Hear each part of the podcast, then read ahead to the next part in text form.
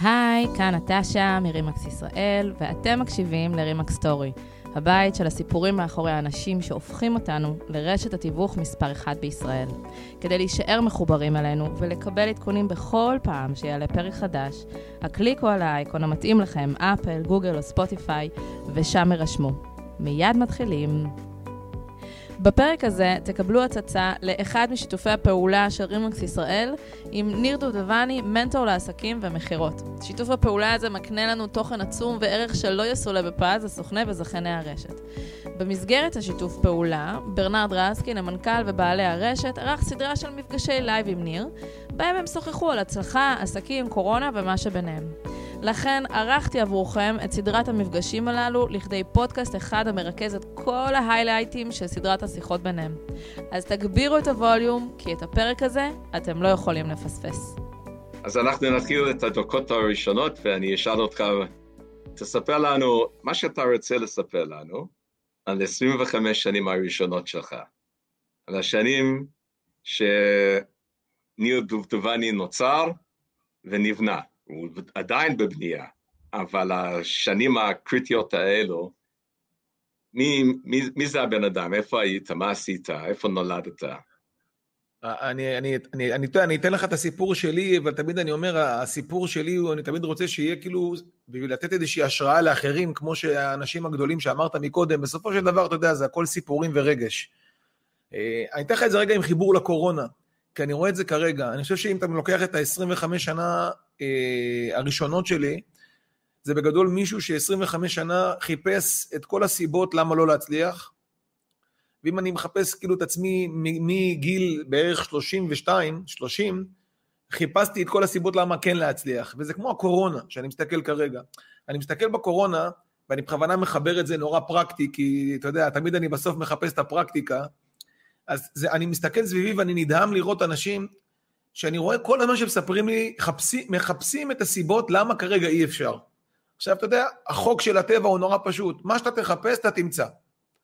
מה שתחפש, תמצא.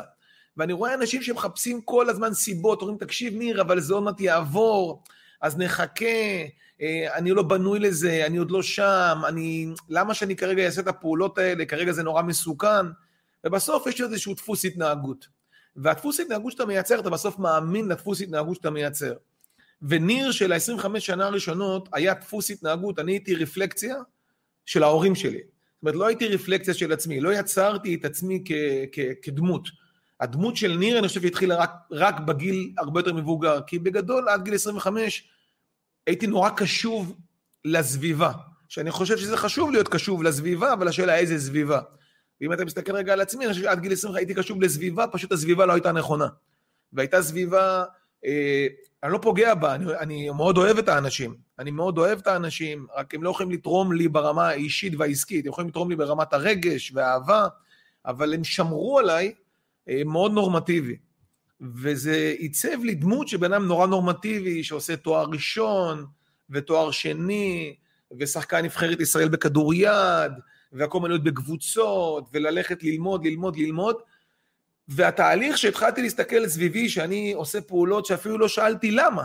ואני חושב שההבדל הזה של 25 שנה הראשונות, הייתי עסוק רק בסימני קריאה, בלי סימני שאלה, ולא מצאתי את עצמי. ואני חושב שלהבין מי אתה כבן אדם, לפרוץ קדימה, זה לדעתי המתנה הכי גדולה שיכולה להיות uh, ליקום. לדעת מי אתה, ולמה באת לסיבוב חיים הזה.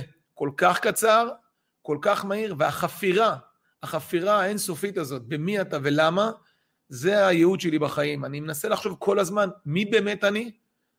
למה באתי לסיבוב חיים? עכשיו, זה נשמע נורא פילוסופי להרבה מאוד אנשים, אבל בסוף זה הפילוסופיה הכי פרקטית של היקום.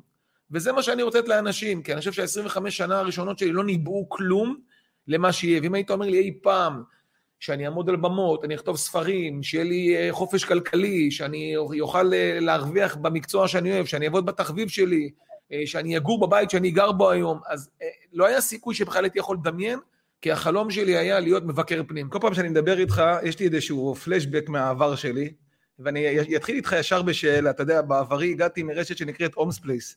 ואתה נורא מזכיר לי, אתה נורא מזכיר לי את בעל הבית הקודם שלי. יש לכם, יש לכם אותה, אותה תפיסה של, אה, של שפע של הכל אפשרי, ושל רק צריך לעשות את הפעולות הנכונות כדי שהדברים יקרו, ואני ישר אתחיל לשאול אותך שאלה. כי הקמת באמת אימפריה מטורפת בישראל, ואני חושב שלא חושב, זה בטוח היום שזה המותג הכי חזק בארץ בעולם התיווך. כמה אנשים אמרו לך שאין סיכוי ש RE/MAX יצליח בישראל כי זה אמריקאי מדי? אותי מעניין לראות את, ה, את התהליכים, את ה processing, את ה process שצריך לעבור בשביל להגיע למשהו שהוא לא נורמלי, ולהפוך אותו לדבר נורמלי, משהו שהוא זה. מה, מה היה צריך כדי שזה יקרה, הדבר הזה? כשאני אה, החלטתי שאני הולך להביא את RE/MAX, אה, זה לא כמו להביא את מקדונלדס. אם אתה מביא את מקדונלדס מהיום הראשון שאתה עובד, כולם מכירים אותך.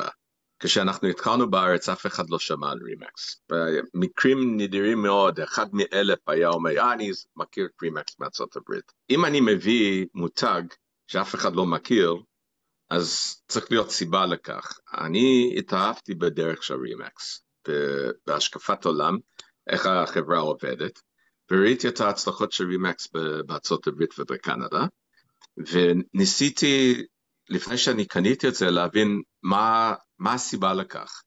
זה לא, זה לא רק כי יש לנו בלון פורח, איזה מותג יפה, יש איזה תוכן, לכל מותג מוצלח בעולם יש תוכן עשיר. למרות שיש עדיין אנשים שחושבים שאפשר לשכנע מישהו דרך פרסום, זה לא נכון. אנחנו נקנה קוקה קולה פעם אחת, כי ראינו את הפרסום, לא נקנה את זה פעם שנייה אם לא נהנינו מהחוויה. אף אחד לא שכנע אותנו ליהנות מקוקה קולה, אנחנו אוהבים את קוקה קולה, זה הסיבה שאנחנו קונים את זה. ואותו דבר הוא נכון, וקוקה קולה זה מערכת uh, של, של uh, אספקה, והם דואגים לכך שהם תמיד על המעדפים, זה הרבה יותר מהשתייה, זה הרבה יותר מלקנות בקבוק. אותו דבר הוא נכון לגבי מקדונלדס, ואותו דבר הוא נכון לגבי כל מותג מוצלח שאנחנו מכירים לאורך זמן. יש תוכן למותג, זה מותג עשיר, ורימקס זה מותג עשיר. והיתרון שהיה לי זה שאני הבנתי לפני 34 שנה כשעליתי לפה, שמעתי, אתה לא מכיר את המנטליות הישראלית, אני, ההיסטוריה האישית שלי, אני גרתי בארבע מדינות השלוש יבשות, וזה גרם לי להבין כמה דברים. אחד, שאנחנו הרבה יותר דומים, אנחנו לא עד כדי כך יוצאי דופן כמו שאנחנו חושבים. אנחנו אוהבים להאמין שכישראלים אנחנו כל כך יוצאי דופן. וכל יתר העולם נאיבים וטיפשים, ורק אנחנו חכמים. אני הבנתי שאם אני מביא את המותג הזה, אני הולך עד הסוף. אני עם הגישה של, של הלל כזה, שנעשה את הכל, נעשה ונשמע. שקודם אנחנו נבצע, ואחר כך אנחנו נשאל אם זה יעבוד או לא יעבוד. אני זוכר שיחה איתך לפני חודש וחצי, חודשיים, אתה אמרת משהו מאוד חכם. אתה אמרת שבתקופה הזאת תשאל שאלות, אל, ת, אל תיתן תשובות. וכשאתה מקים חברה ואתה קונה מותג, אז אל תחשוב לעצמך זה יעבוד או לא יעבוד, מתאים לאופי הישראלי, לא מתאים. הלכתי עד הסוף. אני יכול להגיד, 25 שנה מאוחר יותר, שאנחנו כמעט ולא עשינו אדפטציה לאופי הישראלי, ואיפה שעשינו אדפטציה, זה עבד פחות טוב. אנחנו הלכנו עד הסוף עם הידע. וזה עובד. אז תגיד לי ברנרד, אני חושב שאתה אחד שראה, לדעת, בטוח ראית הכי הרבה סוכנים שקיבלת כן. אותם במצב A, ואתה יודע בדיוק מה מביא סוכן אחד למקום שהוא יודע להגיע ל-B, למטרות, ואחד שלא. בתור אחד שאלפי, אם לא עשרות אלפי סוכנים נכנסו אליו, חלקם עם כסף, חלקם עם ידע, חלקם עם מוטיבציה, חלקם עשו את זה סתם על הדרך, עברת את הכל. תן לי רגע את האני מאמין שלך לאנשים שהתחילו משהו, ובאמת, מה שנקרא, מייקל ג'ורדון, ברנרד ריסקין, לקחו את הדבר הזה ולקחו אותו, מה שנקרא, אתה יודע מה, the all nine yard, כאילו לקחו את זה כאילו עד הסוף. ההבדל בינינו וחברות אחרות, הלקוח העיקרי של רימקס זה הסוכן. לא הלקוח הקצה. וזה ההבדל הענק בין החברות, וזו הסיבה שאנחנו במקום ראשון בפרודוקטיביות בסוכנים של סוכנים בארצות הברית. אין, אין חברה אחרת שמתקרבת לתפוקה של סוכן של רימקס בארצות הברית ובקנדה, אותו דבר הוא נכון בישראל, דרך אגב, לפי הסקרים שאנחנו עשינו עם גל הירוק. אין חברה אחרת שהסוכנים מתקרבים לרמת הפרודוקטיביות, למספר העסקות פר סוכן. אמרת לי פעם משפט מאוד מאוד יפה. אמרת לי, תקשיב לי, תביא לי עכשיו, תביא לי עכשיו עשרה נכסים, או סוכן אחד טוב, אני רוצה סוכן אחד טוב. זה ברור. אני מעדיף סוכן טוב מנכס טוב, כן. כל הרעיון שלנו זה לקחת אנשים ולהעצים אותם, לתת להם את היכולת להצליח יותר. אנחנו די דומים. ואיך אנחנו רואים את הפוטנציאל של בני אדם. זה מאוד חשוב להבין שאנחנו צריכים להשקיע בעצמנו ולפתח את עצמנו. אני משקיע בעצמי, אני קורא כל בוקר, משקיע בעצמי כל יום, אין יום שעובר שאני לא משקיע בעצמי. יש בעצם שני דברים, אחד מהם זה הדברים הטכניים, מה שהדברים שאנחנו מלמדים בקורסים שלנו על, על כל התהליך, על איך לעבוד עם הלקוח, מה אתה עושה איתו בפגישה ראשונה, שנייה, בשיחת טלפון, התסריט, מה אתה אומר לו, איך אתה מגיב, מה צריך להיות התוכנית השיווקית על הדירה, וזה קריטי, אבל כל זה לא שווה כלום אם מה שקורה בין האוזניים לא בריא. ואם יש לנו את השקפת עולם האישית הנכונה, האמונה בעצמנו שאנחנו יכולים להצליח, רק צריכים להתאמץ, והיכולת שלנו להתמיד. אני חושב שאם אתה שואל מה ההבדל בין סוכנים שמצליחים ולא מצליחים, כמה דברים. קודם כל, יש שני סוגים של אנשים, ואנשים נמצאים איפשהו באמצע אולי, אבל אנשים שרוצים קריירה בנדל"ן, כי חלמו על זה, אוהבים את כל ההתעסקות, הבתים, המגע עם אנשים, משא ומתן, שיווק, הכל זה, עסק מאוד מעניין. ויש כאלו שבאו עלינו בלית ברירה. זה לא תמיד משהו שלילי, אבל הרבה מאוד אנשים מגיעים אלינו ואומרים לעצמם, אני אנסה חודש-חודשיים. ואין שום דבר בחיים שאתה יכול לנסות חודש-חודשיים ולהצליח. מייקל ג'ורדן היה אומר לעצמו, אני אנסה חודש-חודשיים, הוא הקדיש את כל החיים שלו לזה. אם אתה שואל אותי על סוכנים שאני רואה אותם לפחות בשנתיים הראשונות, שהן השנתיים הכי קריטיות, אני לא רואה את הטירוף, אני לא רואה את השיגעון, אני לא רואה אותם אינדיאנים, אני לא רואה אותם חולי נפש, אני לא רואה אותם אובססיביים, אני לא רואה אותם, אני רואה אותם, כאילו אומרים, נכנסתי למסגרת, כמו איזה כוח צנטריפוגלי, וחושבים שמרגע שהם נכנסו לאסלה, האסלה תעבוד לבד, הם לא מבינים שאם יהיו באסלה הם יפלו לביוב. ואני אומר, אתה, אתה, אתה, אני אומר לכולם, סלח לי על הביטוי, כאילו, אתה לא גוש, אתה לא גוש, אתה, אתה, אתה, אתה בן אדם. מה חשבת, תיכנס פנימה והוא יגיד לך, תעשה ככה? קיבלת החלטה לעשות פעולה. עכשיו, פה אנחנו מדברים על סוכנים, אני יכול לקחת את זה לכל עסק. יש בזה סט פעולות של סימני קריאה, ופה אנשים נופלים. אין שאלות. בום. אחרי שנתיים, תשאל אותי, תחזור לסימני שאלה, אבל אחרי שנתיים. תסתכל אחורה, תגיד, וואלכ, באמת עשיתי הכל. עכשיו אני רוצה שתגיד לי שזה לא עבד. אז אני אגיד לך, אין סיכוי שזה לא עבד. הדבר היחיד שיכול לקרות אחרי שנתיים, זה להגיד, אוקיי, מה הצעד הבא שלי? אבל זה עבד. וברגע שאתה אומר לעצמך, זה עבד, זה הצעד הבא שלי, זה עבד, עכשיו יכול להיות שמיצית, נגיד שמיצית את הסוכן ואתה רוצה לקפוץ למעלה ולהיות זכיין. מיצי, הכל יכול לקרות.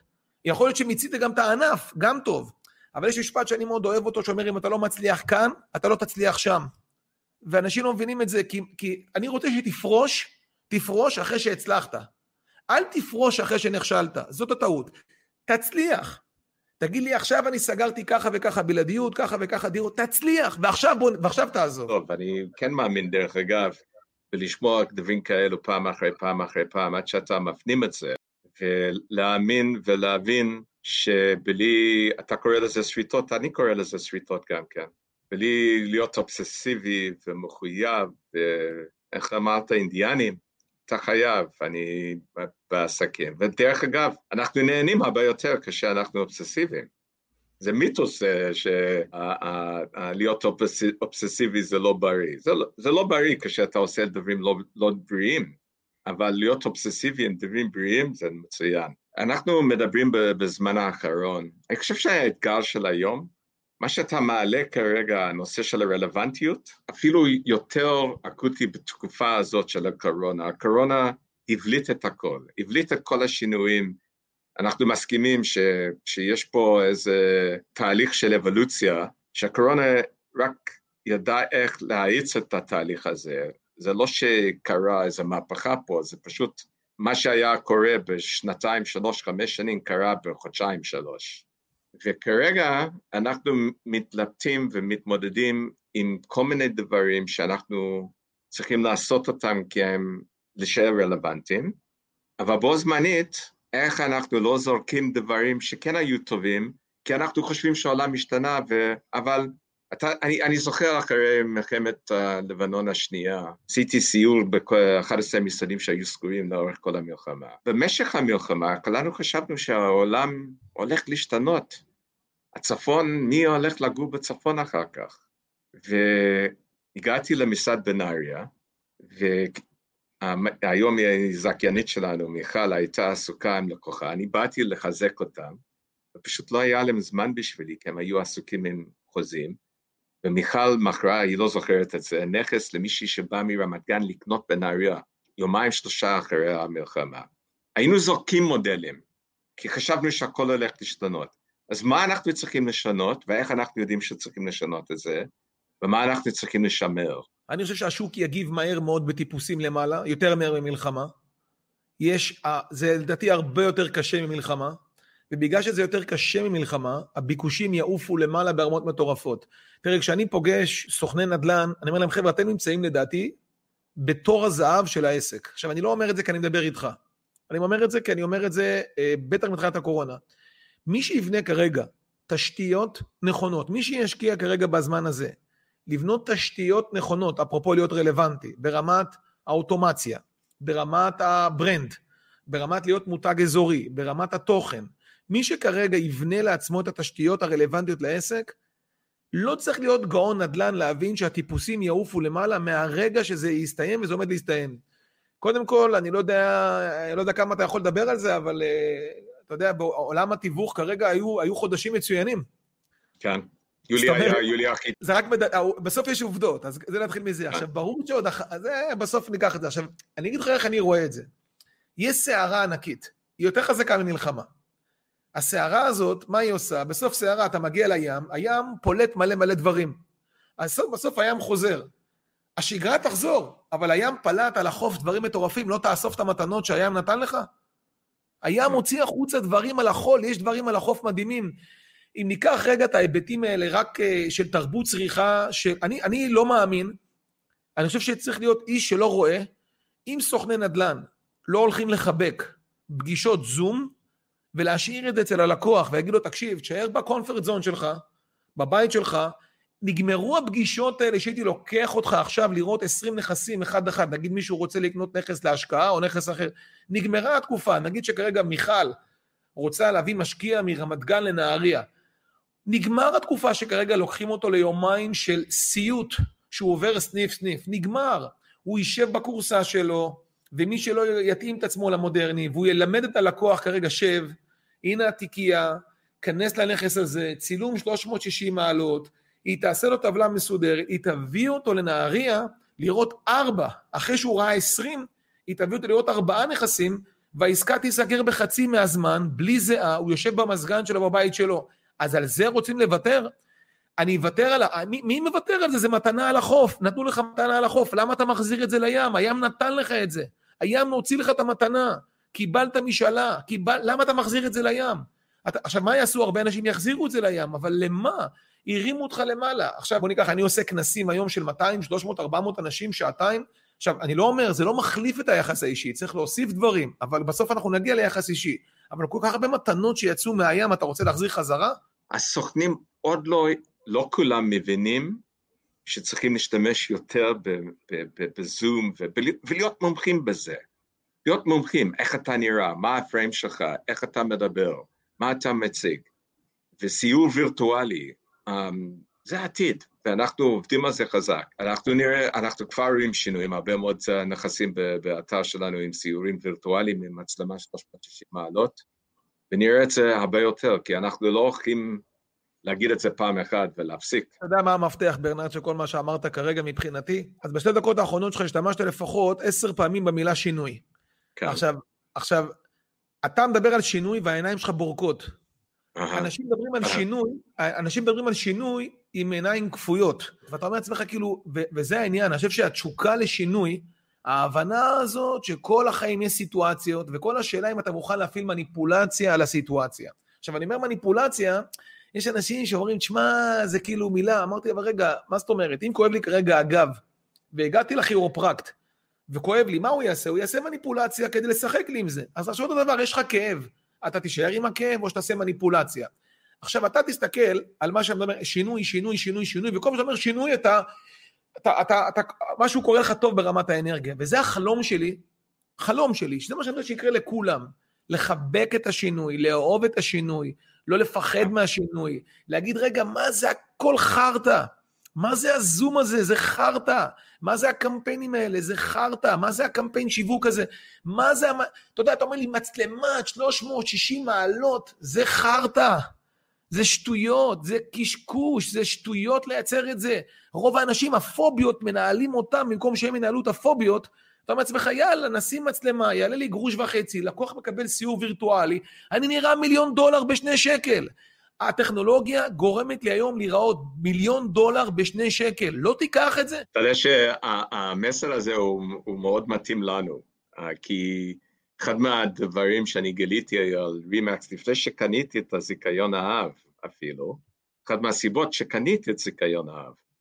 ברימקס הגישה זה שלכל סוכן יש שני מותגים, המותג, ושני לוגוים, המותג של כולנו, שזה רימקס, והלוגו, שזה הבלון הפורח, והמותג השני זה השם של כל אחד, והלוגו שלו זה הפנים שלו. הלוגו האמיתי זה אתה, וגם אני לא נולדתי חתיך, אבל בסדר, שיראו אותי ככה, וזה מי שאני, ויזהו אותי, כי זה אני. ואני, אני, מה שיפה אצלך זה שאתה מקדם את ה... זה מתאים לנו, אתה מקדם את הבן אדם לפתח את עצמו. אנחנו לא מעוניינים, אנחנו לא, אנחנו לא מפחדים מסוכן שיתפתח. אנחנו רוצים שכל סוכן אצלנו יתפתח, שהוא יצמח, שהוא יהיה משהו גדול יותר, חשוב יותר, מוצלח יותר. ברור. לכן אנחנו מתחברים מאוד למסרים שלך. מה המסר שלך לפני שאנחנו נסיים, לקראת השנה הקרובה? השנה שאנחנו נראה שהעולם חוזר לחלק ממה שהיה לפני כן, הרוב ממה שהיה לפני כן, עם כמה שנים שישארו איתנו אולי. עוד מעט אנחנו נצא מהתקופה הזאת, אז מה, מה המסר שלך? מה... אני רוצה שאנשים יהיו מאוהבים. אם אתה רוצה ממני ברכה לשנה, אני רוצה שבן אדם יהיה מאוהב, קודם כל בעצמו, להיות מאוהב בעצמך. אני חושב שבן אדם, העניין הזה, ואז אני רוצה שיהיה מאוהב בעסק שלו, אבל איך להיות מאוהב בעסק שלו? אני רוצה שיהיה מאוהב במודל הכלכלי, לא מאוהב בעסק. לדעתי רוב האנשים הם מאוהבים ברעיון של רק התוצאה הסופית. ואם אני אומר שדרך גדולה מתוצאה, אז בסוף תהיה מאוהב במודל העסקי. ותהיה מאוהב בלהבין את הפרטים. בסוף זה המון המון פרטים, דיטלס, דיט, המון המון המון פרטים. אין קיצור דרך אחד, יש אלפי קיצורי דרך. עכשיו, לא כסיסמה אני אומר את זה, אין פעולה שאם תעשה פעולה אחת, בום, הגעת ליעד, היא לא קיימת. יש אלפי פעולות קטנות, קייזן, קיצורי דרך, שאם אתה תעבוד בקיצורי דרך, אבל זה כל הזמן, כי כשאני קודם דיברתי על סגמנט קטן של לייבים או story, זה עבודה. ואם אתה, אתה, ואתה, ואתה לא מגיע, תמיד אני אומר פנימה, שאתה מגיע לפעולה הזאת ואתה מאוהב בדרך, התוצאה תגיע. כשאתה מאוהב בדרך, התוצאה תגיע. עכשיו, יש נטייה לאנשים להיות מתוסכלים או מאושרים לפי התוצאה, ואת זה צריך לעצור. אותי, כשאני מגיע כרגע לבית לקחת בלעדיות, והייתי by the book, ועשיתי פולו-אפים בדיוק כמו שצריך, ולא ויתרתי ללקוח על הערך המטורף שאני נותן לו, וגם אם לא הצלחתי למכור בסוף, אני לא בדיכאון. אני נותן את הנשמה, לא לוקח ללב, אבל ההבנה הזאת של לתת את הנשמה ולא לקחת ללב, זה רק שדרך גדולה מתוצאה. אני רוצה לתת לאנשים את ההבנה הזאת, וזה המקצוע שלי, שמה שאני לגרום לאנשים לעשות אותו. אם אתה באמת תהיה הבנה מלאה שלך תהיה איש עסקים, תבין איך עסק עובד, תבין איך רגשות, איך מפעילים רגשות, תייצר את הפעולות, תהיה מחובר לאינטליגנציה הרגשית שלך, תהיה מחובר לאינטליגנציה העסקית שלך, תבין שאם אתה מצליח לחבר בין אינטליגנציה רגשית לבין אינטליגנציה עסקית, יצרת הצלחה. כולנו יכולים להצליח, ומי שרואה את השידור הזה, uh, והוא לא בנדל"ן, שיש כאלו, או בנדל"ן ולא איתנו, ולא חושב להצטרף אלינו, אני בכל זאת, אני אומר לכולם, אתם רוצים לעשות לעצמכם טובה? תתחברו לבן אדם הזה, תלמדו ממנו.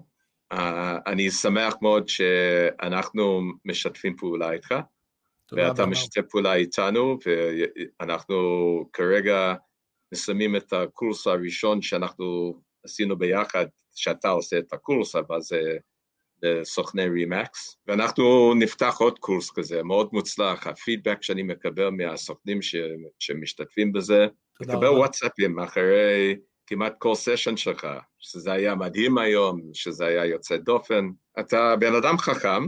תודה רבה. שמבין את העולם מסביב לו, ויודע איך להעיז ולעשות שינויים ו... ומתחבר, ואתה בן אדם גם כן מאוד אמיתי, ומרגישים את זה. אני חושב תודה. שזה עובר, אנשים מרגישים אותך, ואני אומר לכולם, איתנו או לא איתנו, פה יש בן אדם שאפשר ללמוד ממנו הרבה מאוד. היה לי גם כיף, תודה לכולם שהצטרפתם אלינו, והחצי השני של השנה הולך להיות מדהים. למה? כי החלטנו. תודה לכולם. תודה ברנר, תודה רבה, תודה לכם חברים.